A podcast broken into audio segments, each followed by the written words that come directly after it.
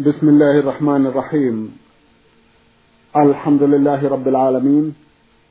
والصلاة والسلام على نبينا وسيدنا محمد وعلى آله وصحبه وسلم. مستمعي الكرام السلام عليكم ورحمة الله وبركاته. وأسعد الله أوقاتكم بكل خير. هذه حلقة جديدة مع رسائلكم في برنامج نور على الدرب. رسائلكم في هذه الحلقة نعرضها على سماحة الشيخ عبد العزيز بن عبد الله بن باز الرئيس العام لإدارات البحوث العلمية والإفتاء والدعوة والإرشاد. مع مطلع هذه الحلقة نرحب بسماحة الشيخ ونشكر له تفضله بإجابة السادة المستمعين فأهلا وسهلا بالشيخ عبد العزيز. حياكم الله حياكم الله. في بداية هذه الحلقة نعود إلى رسالة المستمع حسين إسماعيل العيدروس من اليمن الديمقراطية حضرموت تاربة. أخونا عرضنا بعضا من أسئلته في حلقة مضت وبقي له جمع من الأسئلة فيسأل في هذه الحلقة ويقول دائما أقرأ وأسمع أن الإنسان قد كان قردا في البداية ثم مر بمراحل وتحول إلى الإنسان العادي المعروف اليوم. هل هذا من المعقول أم لا؟ وهل عناصر القرد أي عناصر تكوين جسمه هي نفس العناصر المكونة لجسم الإنسان؟ أفيدونا جزاكم الله خيرا. بسم الله الرحمن الرحيم. الحمد لله صلى الله وسلم على رسول الله. وعلى آله وأصحابه من اهتدى بهداه أما بعد هذا القول الذي ذكره السائل قول منكر وباطل ومخالف لكتاب الله عز وجل وسنة رسوله عليه الصلاة والسلام ولإجماع سلف الأمة. وقد اشتهر هذا القول عن المدعو الأروين وهو كاذب فيما قال. بل أصل الإنسان هو أصل الإنسان على حاله المعروف. نعم. ليس أصله جدا ولا غيره بل هو إنسان سوي عاقل خلقه الله من الطين من التراب. وهو أبونا آدم عليه الصلاة والسلام. خلقه الله من تراب. كما قال جل وعلا قد خلق الإنسان من سلالة من طين. فهو مخلوق من هذا التراب. خلقه الله على صورته. طوله ستين ذراعا ستون ذراعا في السماء. ثم لم يزل الخلق ينقص حتى الآن. فهو مخلوق على الصفة التي نشاهدها فأولاده كأبيهم مخلوقون على خلقة أبيهم لهم أسماع ولهم أبصار ولهم عقول ولهم القامة التي ضربوا له الآن. يقومون على أرجلهم. ويتكلمون يسمعون ويبصرون ويأخذون بأيديهم ويعطون وليسوا على شكل القردة وليس تكفير تكفير القردة بل له تكفير خاص وللقردة تكفير خاص. وهكذا كل أمة. فالقردة أمة مستقلة وكنائس أمة مستقلة. وهكذا الكلاب والحمير هكذا القطط هكذا غيرها أمم كما قال الله عز وجل وما من وما من دابة في الأرض. ولا طائر يطير بجناحيه إلا أمم أمثالكم ما فرطنا في العلم ثم إلى ربهم يحشرون هذه الأمم كلها تحشر إلى الله تجمع يوم القيامة ويقتص لبعضها من بعض. ثم يقال لها كل تراب فتكون ترابا ما عدا الجن والإنس فلهما شأن آخر. يحاسبون يجزون بأعمالهم فمن أطاع ربه فإلى الجنة ومن كفر منه فإلى النار. أما هذه الحيوانات الأخرى فهي أمم مستقلة. فالقردة أمة مستقلة لها خلقتها ونشأتها خصائصها والخنازير كذلك والكلاب كذلك. والحمر كذلك والإبل كذلك والبقر كذلك والغنم وهكذا نعم. أمم نعم. لها خلقتها وميزتها التي أنشأها الله عليها سبحانه وهو الحكيم العليم. وهو أبصر بدقائق أمرها ودقائق تكوينها هو أبصر بهذا وأعلم سبحانه وتعالى. لكن يجب أن يؤمن المؤمن أن يؤمن العبد أن خلق آدم غير خلق القرد وأن أصل آدم هو أصله الذي هو عليه الآن وليس أصله قردا ولا غيره بل هو إنسان سوي على خلقته المشاهدة هو ذو عقل وذو سمع وذو بصر وذو حواس معروفة من فم ونفس وذوق وغير ذلك ثم كونه الله عليه. فالقول بأن أصله قرد قول منكر قول باطل بل لو قيل بكفر صاحبه لكان وجيها. فالأظهر والله أعلم أن من قاله مع علمه بما جاء في الشرع أنه يكون كافرا نعم. لأنه مكذب لله ورسوله مكذب لكتاب الله في خلق آدم. نعم. جزاكم الله خيرا. لأخينا سؤال مختصر واسع فيقول فيه ما المقصود بعرش الرحمن؟ العرش عند أهل العلم في اللغة العربية هو الكرسي. الكرسي العظيم كرسي الموت. والمراد بعرش الرحمن كرسي عظيم. هو أعظم المخلوقات له قوائم. وله حمل من الملائكة يحملونه. والله فوق العرش سبحانه وتعالى. كما قال عز وجل الرحمن العرش استوى قال سبحانه إن ربكم الله الذي خلق السماوات والأرض في ستة أيام ثم استوى العرش. فهو كرسي عظيم ومخلوق عظيم لا يعلم مدى عظمه وسعته إلا الذي خلق سبحانه وتعالى. وهو كالقبة على العالم هو, هو, هو سقف العالم كله. وهو سقف الجنة أيضا. هو سقف العالم وليس فوقه شيء سوى الله سبحانه وتعالى. هذا هو العرش الكرسي العظيم الذي تعرفه العرب كما قال في قصة بلقيس ولها عرش عظيم. فكرسي كراسي الملوك يقال لها عروش. نعم. لكن عرش الله لا يشابهه في شيء من عروش المخلوقين. ولكنه في الجملة يعرف من حيث اللغة. وكرسي عظيم لا يعلم ساعته وعظمته وكنهه ومادته إلا الذي خلق سبحانه وتعالى. إلا إذا صح عن رسول الله شيء في ذلك. عن شيء في يعني شيء من كنهه فذلك مقدم. لا يقول الرسول صلى الله عليه وسلم الحق لأنه لا ينطق عن الهوى. ولا أعلم شيئا صحيحا معتمدا يبين مادة هذا العرش. لكنه عرش عظيم مخلوق عظيم لو حملة من الملائكة كما قال الله جل وعلا ويحمل عرش ربه فوقه يومئذ ثمانية يوم القيامة. والمشهور أنه في الدنيا يحمل أربعة. كما قال أمية بن أبي الصلت نعم. في شعره المعروف الذي انسدت كريم كل النبي صلى الله عليه وسلم رجل رجل وثور تحت يمينه والنسر الأخرى والنسر الأخرى وليل مرصد يعني أربعة أملاك في صور مخلوق أحدهم في صور رجل والثاني في صورة ثور والثالث في صورة نسر والرابع في صورة أسد. ولهذا قال رجل وثور تحت يمينه والنسر الأخرى وليل مرسل. هذه المخلوقات تسمى ملائكة خلقهم الله بحمل هذا العرش. وجاء في حديث العباس بن عبد المطلب أنه يوم القيامة ثمان اوعال وأنه يحمل العرش. في صورة اوعال وله خلق عظيم وطول عظيم. لكن فسر به بعض المقال. ونص القرآن أن هذا يكون يوم القيامة. ويحمل عرش ربك فوقه يومئذ ثمانية. يومئذ يوم القيامة. فدل ذلك على أنه في الدنيا أربعة.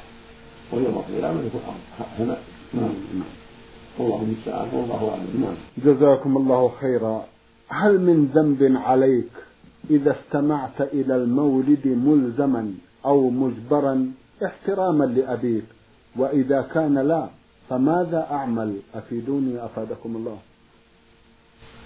الاحتفال بالموالد من البدع التي أحدثها الناس في القرن الرابع الهجري وما بعده.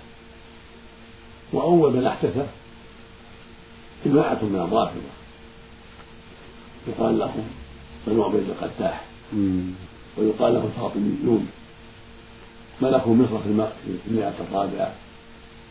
ومالك أخرى إلى أثناء المئة السادسة وهم ظاهرهم الرفق والتشيع وباطنهم الكفر محض كما قال أبو العباس بن تيمية رحمه الله في شأنهم نعم. وهم الذين بدأوا هذا المولد اخترعوه. واحتفلوا بالموالد. قال جماعة من المؤرخين إنهم أحدثوا خمس موالد. أحدها الحسين ثاني فاطمة ثالث لحاكمهم والرابع إما للحسن وإما لغيره والخامس للنبي عليه الصلاة والسلام. المقصود لها خمسة منها الاحتفالهم بالنبي صلى الله عليه وسلم. فلا يليق بالمؤمنين أن يتأسوا بهؤلاء. ثم حدث للناس بعد ذلك. من أحدث هذا المولد واحتفل به في دول كثيرة. فلا ينبغي لأحد أن يتأسى بمن أحدث البدع وهكذا ما ذكر عن ملك إربل أنه أحدث ذلك. كل هذا لا لا يليق بأهل العلم والإيمان. يتأسوا بمن أحدث البدع. ولو كان معروفا ولو كان كبيرا كبعض الملوك والأمراء أو بعض من يغلط من العلم فإن القاعدة التي يجب الالتزام بها ويجب السير عليها أن ما تنازع فيه الناس وما أحدثه الناس يعرض على كتاب الله وعلى سنة الرسول عليه الصلاة والسلام. فمن وافقهما قبل وما خالفهما رد كما قال الله عز وجل في كتابه العظيم يا أيها الذين آمنوا أطيعوا الله وأطيعوا الرسول وأولي الأمر منكم. فإن تنازعتم في شيء فردوه إلى الله والرسول. إن كنتم تؤمنون بالله واليوم الآخر ذلك خير وأحسن تأويلا قال العلماء رحمهم الله الرد إلى الله هو الرد إلى القرآن العظيم. والرد إلى الرسول عليه الصلاة والسلام. هو الرد إلى إليه في حياته وإلى سنته بعد وفاته عليه الصلاة والسلام. وفي الآية الأخرى وما اختلفتم فيه من شيء فحكمه من الله. فالواجب على أهل الإيمان عند النزاع وعند الاختلاف وعند إحداث البدع أن يرد ما تنازع فيه الناس واختلفوا فيه إلى اختلاف ربهم وسنة نبيهم فما شهدا له بالقبول قبل وما لا فإنه يرد وقد نظرنا وصبرنا ما وقع في الناس من هذه الموارد ودرسنا سيرة النبي صلى الله عليه وسلم وسيرة أصحابه. فلم نجده صلى الله عليه وسلم. يحتفل بمولده لا في المدينة ولا في مكة لا قبل الهجرة ولا بعد الهجرة لا قبل الفتح ولا بعد الفتح. وهو المبلغ عن الله عليه الصلاة والسلام. وهو الأمين على تبليغ الرسالة. وهو أنصح الناس عليه الصلاة والسلام. وهو أكمل الرسل بلاغا. وأكملهم إيمانا. فلو كان الاحتفال بمولد أمرا مشروعا أو أمرا حسنا يحصل به الأجر لبينه للأمة عليه الصلاة والسلام ولا بلغه إياهم أو فعله بنفسه في حياته ولو مرة أو أرشد إليه صحابته أو فعله خلفاؤه الراشدون رضي الله عنهم أو صحابته المرضيون رضي الله عنهم. فلما لم يقع شيء من هذا علمنا أن هذا الاحتفال أمر مبتدع ومخترع ويعتبر من البدع. ويدخل تحت قول صلى الله عليه وسلم من أحدث في أمرنا هذا ما ليس منه فرد متفق على صحته. وفي قوله عليه الصلاة والسلام عمل عملا ليس عليه الله رد رواه مسلم في الصحيح. وفي قوله صلى الله عليه وسلم إياكم محدثات الأمور الحديث وفي قوله صلى الله عليه وسلم في حديث جابر عند مسلم إن خير الحديث كتاب الله. وخير الهدي هدي محمد صلى الله عليه وسلم وشر الأمور محدثاتها وكل بدعة. ضلالة هذا لو سلم من الفتن والبدع الأخرى. لو كان مجرد احتفال قال الله قال رسوله. فكيف هو الغالب أنه لا يسلم؟ الغالب أنه لا يسلم من البدع الأخرى. نعم نعم. وربما وقع فيه الشرك الأكبر. بدعاء النبي صلى الله عليه وسلم والاستغاثة به. وطلبه المدد والغوث هذا هو الشرك الأكبر. هذا يقع كثيرا في المغالب التي يحتفل بها الناس للنبي صلى الله عليه وسلم ولغيره. اللهم صل وسلم ولا شك أن الموالد التي يعرفها الناس تقع فيها منكرات متنوعة منها ما تقدم من الاستغاثة بصاحب المولد وطلبه المدد سواء كان النبي صلى الله عليه وسلم أو غيره. ومنها ما قد يقع من التوسل به أو بجاهه وحقه وهذا بدعة. ومنها ما يقع من بعضهم أنهم يقومون له يقول هذا حضر النبي صلى الله عليه وسلم يقومون وهذا منكر نعم. يعني الرسول صلى الله عليه وسلم لا يحفظهم ولا يخرج من قبره إلى يوم القيامة عليه الصلاة والسلام. قال قال الله عز وجل ثم إنكم بعد ذلك لميتون ثم إنكم يوم القيامة تبعثون ويقول عليه الصلاة والسلام أنا أول من تشق عنه الأرض يوم القيامة. هو أول من تشق عنه الأرض يوم القيامة أول من يخرج من القبور يوم القيامة. فقوله من يحضر ويقومون له هذا من المنكر ومن الباطل من التلبيس على العامة.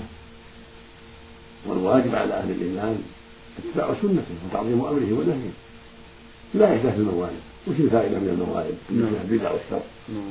الله يقول سبحانه قل إن كنتم تحبون الله فاتبعوني يحبكم الله فيغفر لكم ذنوبكم. ويقول سبحانه وتعالى وما آتاكم الرسول خذوه ونهاكم عنه فانتهوا ويقول سبحانه من يطع الرسول فقد أطاع الله. ويقول جل وعلا وأقيموا الصلاة وآتوا الزكاة وأطيعوا الرسول لعلكم ترحمون. ويقول سبحانه لقد كان لكم في رسول الله أسوة حسنة. الآية الذي يحب الرسول صلى الله عليه وسلم صادقا يتبعه نعم. ويستقيم على طريقته في أداء الأوامر النواهي والوقوف عند الحدود والدعوة إلى سبيله وإلى سنته والذب عنها والتحذير من خلافها هكذا يكون المؤمن هكذا يكون طالب النجاة هكذا يكون معظم لرسول الله صلى الله عليه وسلم يعظم سنته ويدعو إليها ويستقيم عليها قولا وعملا وعقيدة وينهى الناس عن خلافها وعن الخروج عليها هكذا المؤمن. الصادق وهكذا العالم الموفق يعظم السنة ويدعو إليها ويستقيم عليها ويحافظ عليها ويمثلها في أخلاقه وأعماله. هكذا الحب له صلى الله عليه وسلم. وهكذا الحب لله توحيده وطاعته خوفه ورجاؤه والشوق إليه والمسارعة إلى المراضيه والحذر من مناهيه والوقوف عند حدوده. هكذا يكون المؤمن الصادق. في حبه لله ورسوله أما إحداث البدع فليست من دلائل الإيمان ولا من دلائل الصدق ولكنها من تزيين الشيطان ومن تلبيسه على على الناس حتى يحدثوا ما لم يعلم به الله. ولهذا قال سبحانه آمن لهم الشركاء شرعوا لهم من الدين ما لم يؤمن به. والمحب له صلى الله عليه وسلم يجتهد في اتباع شريعته واتباع طريقه. فيعلم الناس سنته. وأخلاقه وأعماله في المدارس وفي المساجد وفي البيوت وفي السفر وفي الحضر وفي الطائرة وفي السيارة وفي القطار وفي كل مكان. هكذا المؤمن الصادق العالم يعتني بالسنة ويعلمها الناس ويعمل بها. وفي غنية عن أهل البدع. المسلمون في غنية كاملة عن البدع. أم لهم شركاء شرعوا لهم من الدين ما لا يعلم به الناس ويقول سبحانه ثم جعلناك يخاطب النبي صلى الله عليه وسلم ثم جعلناك على شريعة من الأمر فاتبعها ولا تتبع أهواء الذين إنهم ليضلوك من الله إنهم لن يغنوا عنك من الله شيئا. هكذا أمره صلى الله عليه وسلم أمر الله نبيه أن يستقيم على الشريعة التي وجدت له وأمر بها هكذا أمته. هذا الذي يستقيم على الشريعة التي جاء بها عليه الصلاة والسلام وعلى أن يلزموها ولا يزيدوا ولا ينقصوا نعم.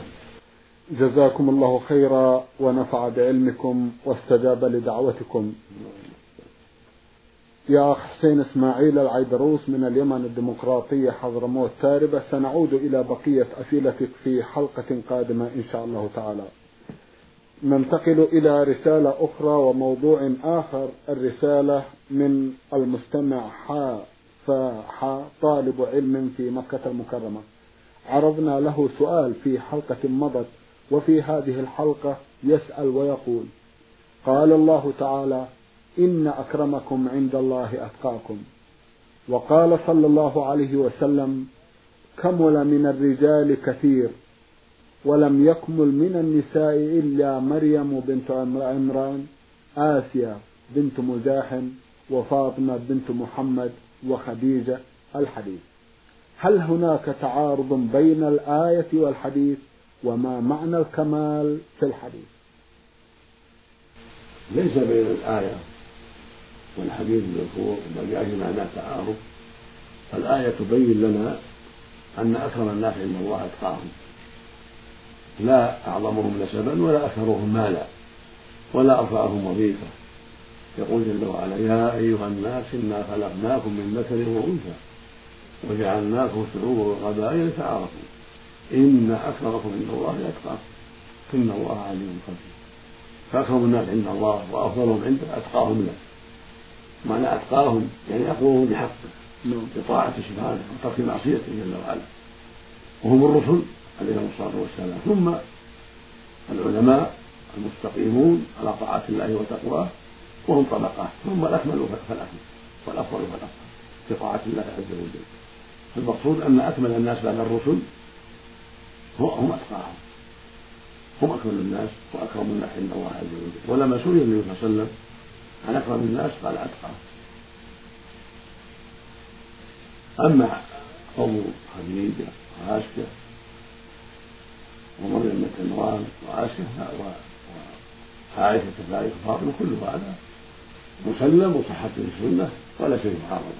طيب. خديجة رضي الله عنها أم المؤمنين وهي أم أكثر أولاد النبي عليه الصلاة والسلام.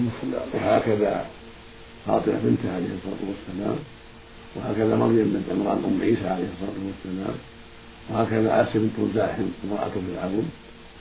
وهكذا عائشة رضي الله عنها كلهم من كمل النساء. والكامل من النساء أقل من الكامل من الرجال. فالكمل في الرجال كثيرون ومن النساء قليلون. ولهذا بين لهم بين لهم النبي صلى الله عليه وسلم في هذا الحديث. والكمال بالنظر إلى تقوى الله والقيام بحقه سبحانه وتعالى. وقال في عائشة رضي الله عنها يقول صلى الله عليه وسلم فضل عائشة على النساء كفضل كفضل الثريد على سائر الطعام. والثريد هو الخبز واللحم خبز الحنطة واللحم يقال ثريد وهذا الطعام هو أفضل الطعام وأنفعه اللحم والحنطة البر نعم. المقصود أن عائشة لها فضل كبير وخديجة كذلك ومريم وآسيا وفاطمة هؤلاء الخمس هم أكمل النساء وأفضل النساء. وهن متساويات في الفضل وقد اختلف العلماء في تقديم بعضهن على بعض. ويكفينا أنهن أفضل النساء. رضي الله عنهن وأرضاهن ورحمهن. وكمالهن من جهة تقواهن لله وقيامهن بحقه. استقامتهن على دينه. لكن تكمل من الرجال في تقوى الله وقيامها أكثر. لأنهم أصبروا على التقوى وهم أعلم بالله في الأغلب وأكثر اطلاعا على كتاب الله وسنة رسوله عليه الصلاة والسلام. وأكثر اطلاعا على حلقات العلم وأسفارا لطلب العلم. فلهذا يغلب على الرجال أن يكون علمهم أكثر من علم النساء. وكمالهم أكثر. بسبب ما حباهم الله من القوة على طلب العلم والحرص على تحسينه ولما جبل عليه النساء من الضعف من الضعف من بعض النواحي والعجز عن تحصيل العلوم من كل وجه لما تعتريهن من الحمل والولادة وحاجات البيت وحاجات الزوج وغير ذلك. فالمقصود أن الكمل من الرجال بنص النبي صلى الله عليه وسلم أكمل من الكمل من النساء. الكمل من النساء قليلون لأسباب كثيرة. والكمل والكمل من الرجال كثيرون. ولا تعارض بين الحديث وبين الآية الكريمة. نعم. بارك الله فيكم. نعود في هذه الحلقة إلى رسالة المستمع محمود أحمد الدوسة من العراق بغداد الزعفرانية. أخونا له أسئلة كثيرة تجاوزت الثلاثين سؤالا. عرضنا جزءا من أسئلته في حلقات مضت وفي هذه الحلقة نعرض هذا السؤال يقول هل ورد عن الرسول صلى الله عليه وسلم حديث يحدد الوقت الذي كان يتوضأ فيه رسول الله صلى الله عليه وسلم؟ وهل ورد حديث يحدد وقت الاغتسال؟ لا أعلم. شيئا في هذا لا أعلم أنه ورد عن الرسول صلى الله عليه وسلم حديث يحدد زمان غسله وزمان وضوء بالدقائق لا أعلم. لكنه ما كان يتكلم عليه الصلاة والسلام.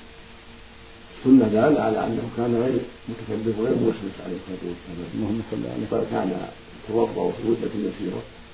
ويغتسل في مدة يسيرة. وليس من نساء مع المشركين الذين يتنطعون ويتخلفون ويعذبون أنفسهم. بل صلى الله عليه وسلم في غاية من الكمال في أخلاقه وأعماله. اللهم فما كان يتكلف ولا يتنطع لا في غسله ولا في وضوءه عليه الصلاة والسلام. اللهم صل وهذا هو الواجب على المؤمن.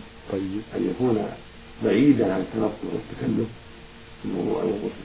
فليتوضأ في حالة حسنة ليس فيها تنطع وليس فيها جفاء فليتوضأ كما توضأ النبي صلى الله عليه وسلم. اللهم صل عليه مرة مرة أو مرتين مرتين أو ثلاثة ثلاثة ولا يزيد على ذلك. طيب. وهكذا في الغسل. يستنجي ثم يتوضأ وضوء الصلاة في حال الجنابة ثم يغتسل. يفرغ على رأسه ثلاث مرات ثم على بدن يبدأ بالأيمن ثم يغتسل. هذا هو المعروف بالفعل للفعل عليه الصلاة والسلام.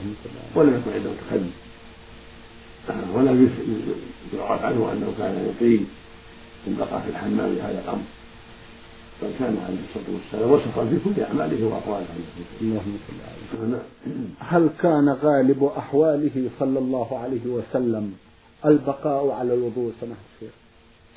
كان الغالب هكذا كان الغالب على أحواله صلى الله عليه الصلاه والسلام كان يتوضأ لكل صلاة ثم شرع عليه الاستواء. وكان يصلي الصلاتين والأكثر وضوء واحد وفي يوم الفتح صلى عدة صلوات بوضوء واحد. فسأله عمر عن ذلك فقال عمدا فعلت ليعلم الناس أنه لا لا حرج في أن يجمع الصلوات بوضوء واحد. وكان يجمع بين الصلاتين بوضوء واحد في اسفاره عليه الصلاة والسلام وفي غيرها. فحاصل أنه كان لا يتكلف بالوضوء ولا يتنطع. وكان ربما صلى الصلوات بوضوء واحد عليه الصلاة والسلام. والغالب عليه يتوضأ لكل صلاة عليه الصلاة والسلام. وربما قضى حاجته ولم يتوضأ. كما ثبت في صحيح مسلم.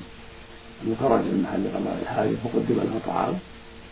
فقيل أفلا توضا قال إني ما أريد الصلاة ثم أكل.